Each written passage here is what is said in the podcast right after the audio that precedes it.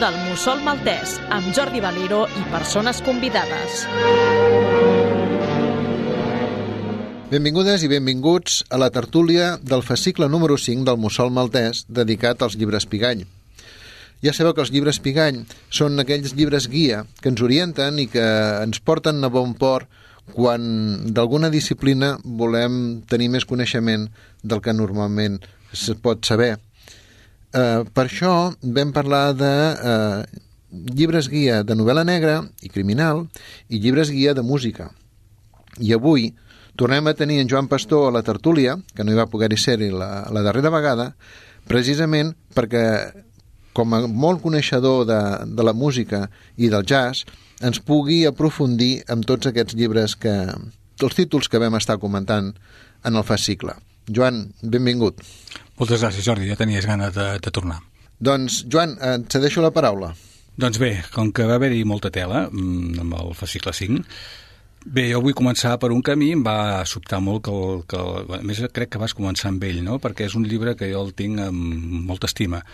És el cànon del jazz, els 250 temes imprescindibles, i és l'entet en Gioia, ull que el mateix Sonny Rollins el té com a llibre de referència poca broma, no tan sols jo, sinó el propi, el propi Sonny Rollins diu que sempre que ell té que triar un cover o un estàndard que ell vol fer, agafa aquest llibre i mira sobretot, que és molt important aquí, el que més interessa d'aquest llibre és les versions que ell apunta d'una manera subjectiva dels temes eh, d'aquests estàndards, no? Hi ha coses molt curioses, és a dir, pots trobar el Bobby McFerrin o el Chick Corea fent una versió del In a Sentimental Mood del Duke Ellington que et pot sorprendre molt. Per tant, eh, és una, una eina que tots els que ens agrada la música, de quan en quan agafes el llibre, obres, com tu vas fer així una miqueta doncs, a l'atzar, i obres i mires i dius, ostres, això... I et sorprèn, i t'obre una porta magnífica. A més a més, en Ted Gioia comenta en aquest eh, llibre una cosa que a mi em va agradar molt, dient que els estàndards aquests, que molts d'ells tenen 50 anys, sempre són joves. Sempre són joves perquè hi ha una sinceritat musical, perquè s'han escoltat moltíssim i perquè no obeixen a cap moda ni a cap eh, producció discogràfica d'aquestes així en plan eh, doncs, comercials, no? i això sempre els fa que dècada rere dècada sempre són joves. Jo et volia preguntar a tu, Jordi, dintre d'aquest tema, si veus que amb els autors de novel·la negra i amb les seves històries podria passar el mateix. Com ho veus? Passar el mateix, eh, et refereixes a versionats? Versionats, correcte. Si això també... I, I que siguin clàssics, i que aquests clàssics sempre siguin joves, per entendre'ns, no? Ostres, bona pregunta. Però, a veure, clar, amb la música, amb la música hi ha una melodia de, de fons, no? I, i, i tu pots improvisar, pots, pots canviar les notes... Mm però és que, oh, clar, reescriure una novel·la que ja està escrita no té, no té massa sentit. No té massa sentit. A veure, hi ha, hi ha una cosa curiosa, i és que jo sempre vaig amb l'agenda que apunto idees per nous fascicles. Mm -hmm. I precisament en tinc un d'apuntat, que, que mira, en lloc de desenvolupar-lo com a fascicle, ho, ho llegeixo ara el que tinc i, és que s'hi diu, s'hi diu perquè és exactament el que estàs, el que estàs plantejant tu, no? Mira, fa referència a la novel·la Deu negrets, de l'Agatha Christie. Uh mhm. -huh. eh? Dies negritos, que, bueno, que per cert, eh, amb, la, amb la nova onada de, de correcció lingüística a, a Estats Units no els hi sembla bé mantenir el títol de Deu negrets i, i ho han canviat pel, pel títol original que va sortir que era eh, i aleshores eh, no em va quedar cap amb el qual, clar, és l'espoiler més brutal que es pugui fer de la història de la literatura, perquè si llegeixes una novel·la que el títol et diu aleshores no em va quedar cap, mm, ja pràcticament t'acaba de matar la gràcia, no? Totalment. Però, bueno, el, això que et deia, la, de l'Àgata Christie, eh, espera que busqui, busco aquí l'agenda, tinc... És que he llegit diverses novel·les aviam, no són versions directes, està clar, uh mhm. -huh. però sí que són que agafen l'essència de la novel·la i, la, i la, la readapten, no? Mira, aquí, tinc aquí. Aquesta, aquesta és antiga, eh? Ui, aquesta és antiga. Fa molt que la vaig llegir. És Invitació a un assassinato. És de la Carmen Posadas. Ostres, la Carmen Posadas. Carmen Posadas. Periodista famosa, diguéssim, i coneguda amb el seu temps, diguéssim. Sí, bueno, i a més també perquè va ser dona d'algú molt, molt famós i, i el, el, el divorci també va, va omplir pàgines del corazón. Molt bé. Però, bueno, o sigui, imitació a un assassinato de eh, dolenta és poc. O sigui, fora, aquesta, fora, no, res. L'altre títol, l'altre títol que tinc aquí són, eh, espera't, eh, Los solitarios de Alberto Urbina, que no recordo. Urbina, aviam. Sí, vale. Ui, aquesta passa, sí, amb una muntanya, amb una muntanya nevada, està aïllada. Aquesta és una de les coses... Molt propi. Que han, però han destrossat molt, el cine ha destrossat molt l'Agatha Christie en aquest sentit, sobretot en la pel·lícula Diez Negritos, perquè si l'obra original passa en una illa, en un illot que està relativament separat de la costa, eh, per què nassos l'has d'ambientar a llocs completament diferents? Perquè s'ha ambientat al desert s'ha ambientat a dalt del cim d'una muntanya. Aquesta novel·la, precisament, això, també passa en un lloc que, que han d'anar amb una avioneta, els deixen allà i diuen l'avioneta no podrà tornar fins d'aquí no sé quants dies, no? Clar, mentrestant, què fan per entretenir-se? Pues es van matant es uns als altres. Clar, són, són, són tramposes. Aquesta novel·la és tramposa, Los Solitarios, és tramposa.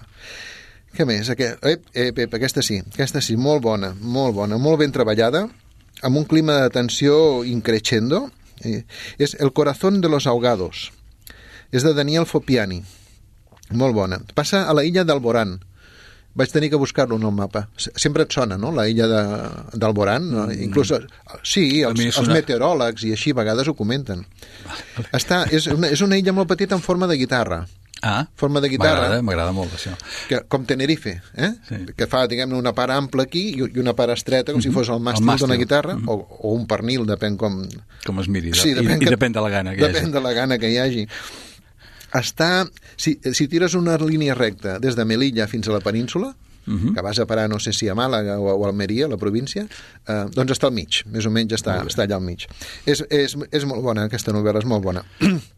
és un, un destacament de l'Armada que va a la illa perquè es, es relleven, sempre hi ha gent en aquesta illa, no? suposo que és un punt neuràlgic d'aquells entre Marroc i, i Espanya i Europa, com la, la, la illa Perejil en el seu moment. Sí.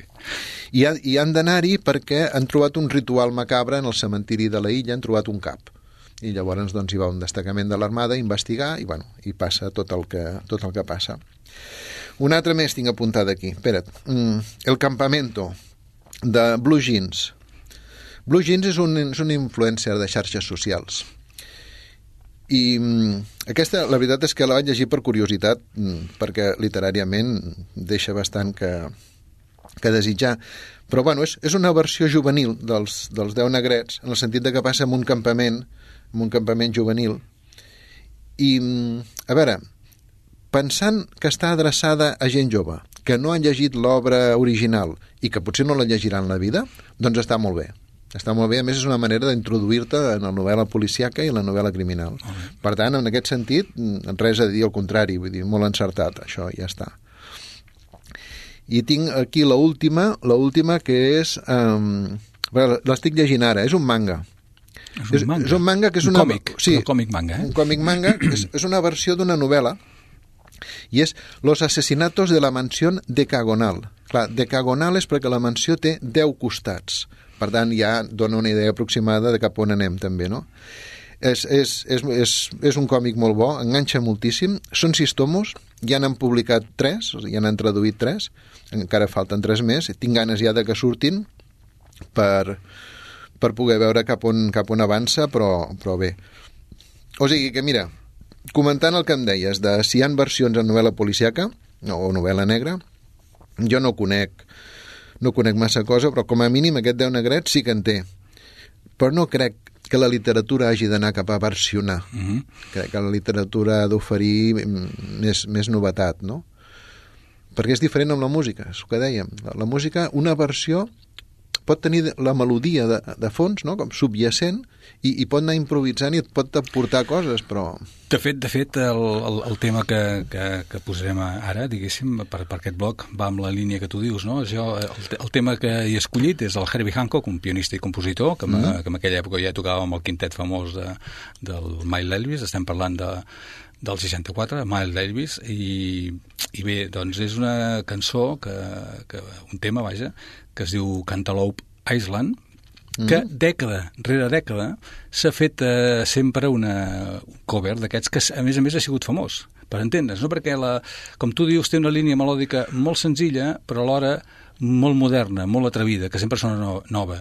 El 93 recordo que va haver un grup de rap que la va posar, aquesta versió la va posar a tot arreu, molt de moda. Fins i tot va, va recuperar el segell Blue Note, que en aquella època, als 90, estava una miqueta perdut, mm. no? El jazz als 90 tampoc estava tan, tan, tan de moda. I ells, aquesta gent, a base de rap, el van posar. Però ell, el Ted Gioia, ens escull, posa com a molt bona la cara escoltarem, que és d'en Poncho Sánchez, que és un percussionista Ah, conec, sí. llatí, que té un Grammy per fusionar la música llatina amb el soul i el blues. Aquest és un treball del 2009 que es diu Psychedelic, Psychedelic Blues i eh, la peça Cantaloupe Island. voldria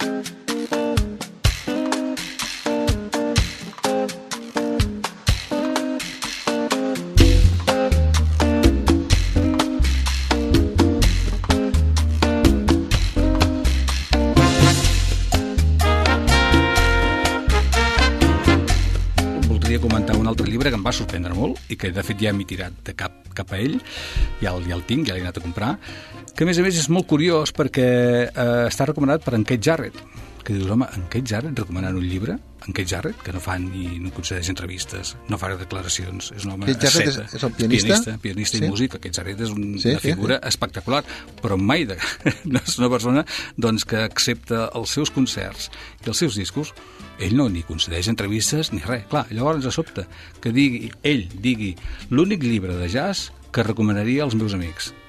Diu, ostres, poca broma, aviam, si el Jarrett diu això, anem a veure què passa. Clar, llavors entres al llibre i clar, és fascinant, perquè et trobes el Duke Ellington amb el seu saxofonista, amb el cotxe, atrevessant Estats Units per carreteres enormes, perquè allà les distàncies són terribles, deserts, muntanyes, etc. I a més a més, hi barreja tota una sèrie d'històries sobre Lester Young, el Thelonious Monk, en Pat Powell, en Charlie Mingus, en Chet Baker i l'Art Piper, plenes de, de drogues, anècdotes, etc. Per tant, d'alguna manera és com una petita història del jazz, però des d'un punt de vista molt diferent, on la ficció es barreja amb la realitat fent que ho visquis d'una manera molt divertida i molt propera. És una història de jazz eh, molt, molt nova, molt, molt, molt interessant. A mi em va, em va agradar moltíssim, per això la l'he recollit aquí, perquè malgrat no ser estrictament una guia, que, que ho és, eh? en la segona part ho és, eh? però malgrat no ser estrictament una guia, tots els relats tenen aquest component, aquest component noir que acompanyava els músics de jazz en, en l'època, no? correcte. És, eh, bueno, em sembla recordar que deia en el fascicle parlava de d'aquestes vides excessives eh? portaven correcte. unes vides excessives Com la seva música, que era molt excessiva també. Sí. Vivien al límit Sí. i, i, i no importava el demà, sinó només el, el moment, no? Val? I, i que has triat alguna, alguna peça d'aquí o...? Sí, sí, sí, sí, evidentment. Jo he triat eh, exactament, eh, el, concretament, vaja, he triat el But Beautiful, en versió del Chet Baker, Ah, molt bé. que també és una, evidentment, el Ted Gioia també en parla amb els seus 250 estàndards i també el destaca, i destaca aquesta, aquesta versió que escoltarem ara, per entendre'ns, no? Bueno, de fet, el Chet Baker, eh, amb, amb la peça aquesta d'avui, es converteix en el músic que més hem escoltat eh, Correcte. al Mossol Maltès, perquè vam escoltar, crec recordar, September Song, referint-nos a, a la llibreria negra i criminal, Sí, el Paco Camarasa, concretament, que li agradava Exacte. molt, sí.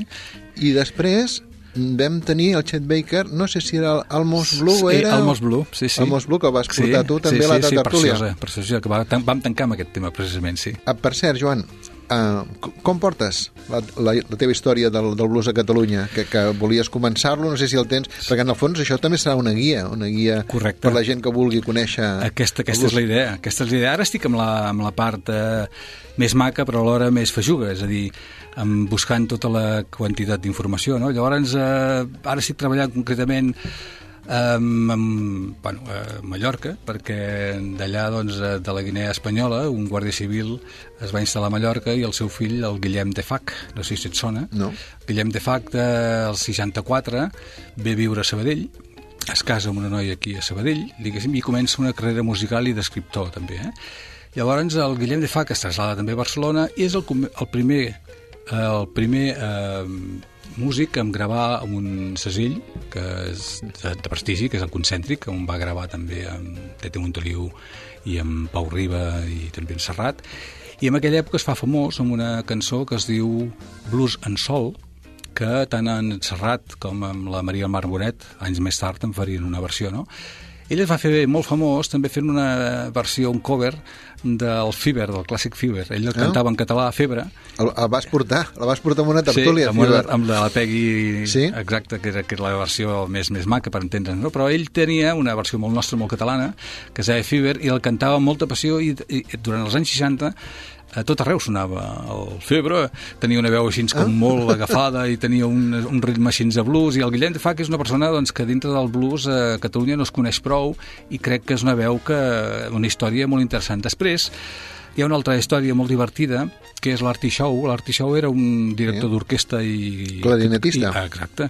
No tan bo com el Benny Goodman d'aquella època, estem parlant dels anys 50, però déu nhi A més a més, era un renovador, perquè aquest senyor tocava, eh, barrejava, va ser el primer en barrejar el jazz i el blues amb la amb clàssica. Als 50 es va començar a presentar els concerts amb gent que portava violoncels i, i violins, la gent estava molt... Però esclar, eren els anys 50. Els anys 50 als Estats Units el jazz bullia molt, hi Sí. havia moltes renovacions. Doncs aquest senyor, el 53, cansat de, la, de les gires i del, dels èxits i tot això, agafa la seva dona i se'n va viure a Begú, Costa Brava, poca broma, Begú. I està 5 anys. Llavors ara estic mirant amb gent de l'escena catalana, la, en en certa manera, les influències que aquest senyor va deixar, perquè ell va allà, va seguir treballant, i va fer algunes jam sessions a alguns llocs, i llavors estic buscant una miqueta la informació al fil de lo que va deixar. Però, a més a més, a Begú, a través de, la, de les rutes indianes, ja sabem que al segle XIX, 1800, hi havia molta gent de Begú que s'anava a fer les Amèriques, no? I feien la, doncs, Cuba, Estats Units. Doncs allà es veu, deien que cap al 1840, el Ball del Fanalet, tu havies ballat el Ball del Fanalet? Havies ballat Ah, el el, Ball re- del Fanalet? el Anaves- recordo a les festes a majors. les festes majors, que anaves A- a l'embalat. no? Sí, a l'embalat, a l'embalat, que anies amb la parella i que no podies moure'n massa perquè llavors el fanalet es cremava, diguéssim. Doncs el, fale- el ball del fanalet, en aquella època del 8 1840, ja sonava amb ritme de blues, a Begú. Mm? Per tant, aquí tinc, una, aquí tinc un tema també per, per, per, per estirar, i estic amb aquest tema, i, bueno, i pendent un dia d'aquests poder entrevistar el meu gran referent i el, el mestre de, de, de, del blues de Catalunya, que és en Quico Pia de la Serra, evidentment, no? que, que m'agradaria molt poder parlar amb ell i que també segur que m'obriria moltes finestres. Per tant, amb això estem, amb aquest ball. Mm? Però mira, el Ball del Fanalet, en el fons, no deixa de ser una versió nostra del, del danzón cubano. Correcte, sí senyor. Que diuen que el, el danzón, per, per ballar-lo bé, no t'has de moure d'una rajola.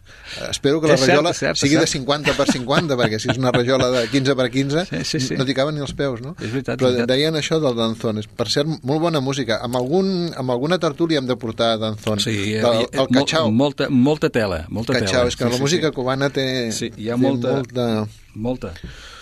Bé, llavors, eh, eh, per, per anar tancant el tema, Sí? aquest llibre també parla d'un personatge que m'agrada molt, que és el Mill Hinton, que és un contrabaixista que més era fotògraf. Té, foto, té fotografies molt tremendes, perquè clar, aquest home podia estar als assajos i té Clar. fotografies dels músics, La primera... doncs eh, descansant, fent el cigarret, bevent-se, el Johnny Griffin sobretot bevent alcohol, que li anava molt amb els concerts veure amb la seva botelleta de whisky, i té fotografies molt curioses, no? Bé, de tot, per acabar ja, d'aquest eh, llibre, la, el tema que posarem és el que he comentat abans, que és el Bad Beautiful del Chet Baker, que Ah. hem comentat abans, i per tant, doncs, el podem Perfecte. posar un moment i així ja passem a l'altre a l'altre tema. Em sembla molt bé.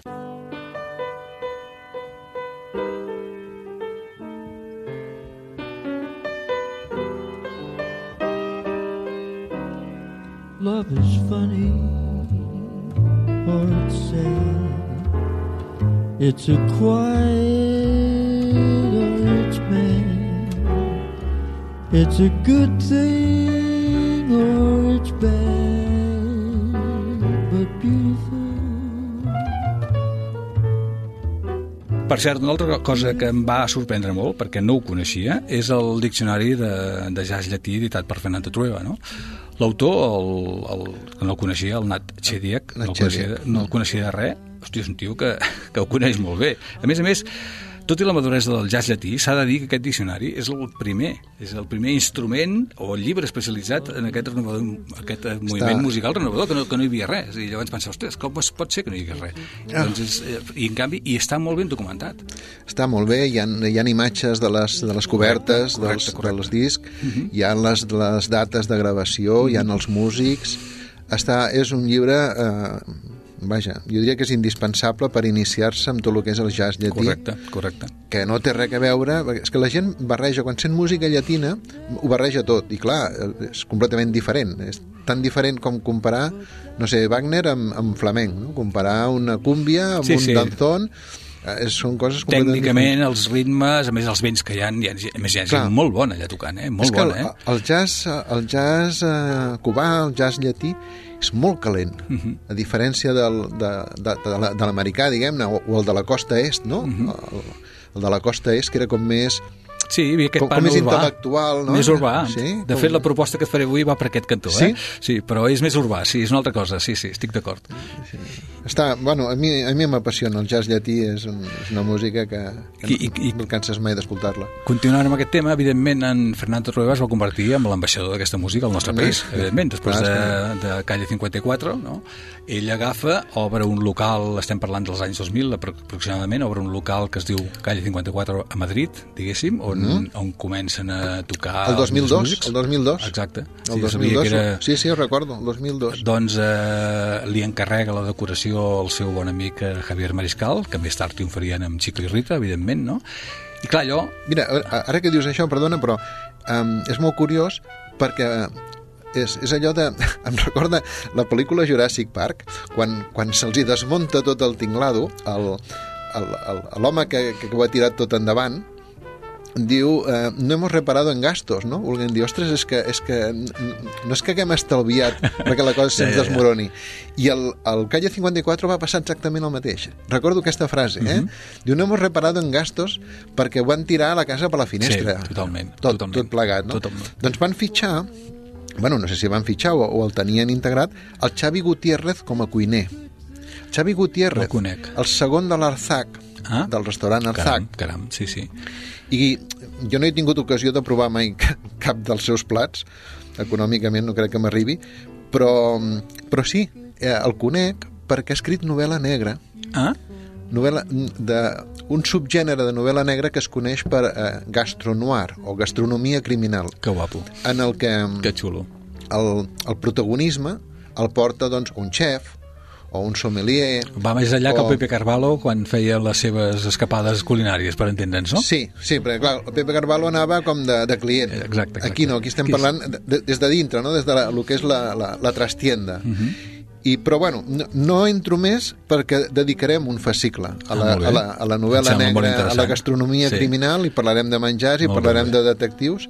Per tant, no, no m'estenc més. Però sí, sí que et volia fer aquesta puntualització. Molt bé, molt bé, molt bé. Si, Molt bé. si has de començar, si no, no l'has llegit, eh, té una, una tetralogia, eh? o sigui, quatre, quatre llibres dedicats a, a, a la gastronomia criminal. Crec que el primer, no sé si és El aroma del crimen o Sabor crítico. Un dels dos és el primer. Però és molt bo per, per començar. I si llegeixes un, evidentment llegiràs els altres tres. Res, continua, estaves No, no, amb... no. Que és que m'ha fet gràcia perquè recordo això del, del Xavi Gutiérrez, que És era... que, eh, Xavi en B alta, eh? perquè és basc, no, És basc, no, no és Xavi de... No, no, ha estat molt bé, ha estat molt bé aquesta... No, no, ells també, ells també tenien aportacions culinàries, però clar, el que, el que passava més allà era la música.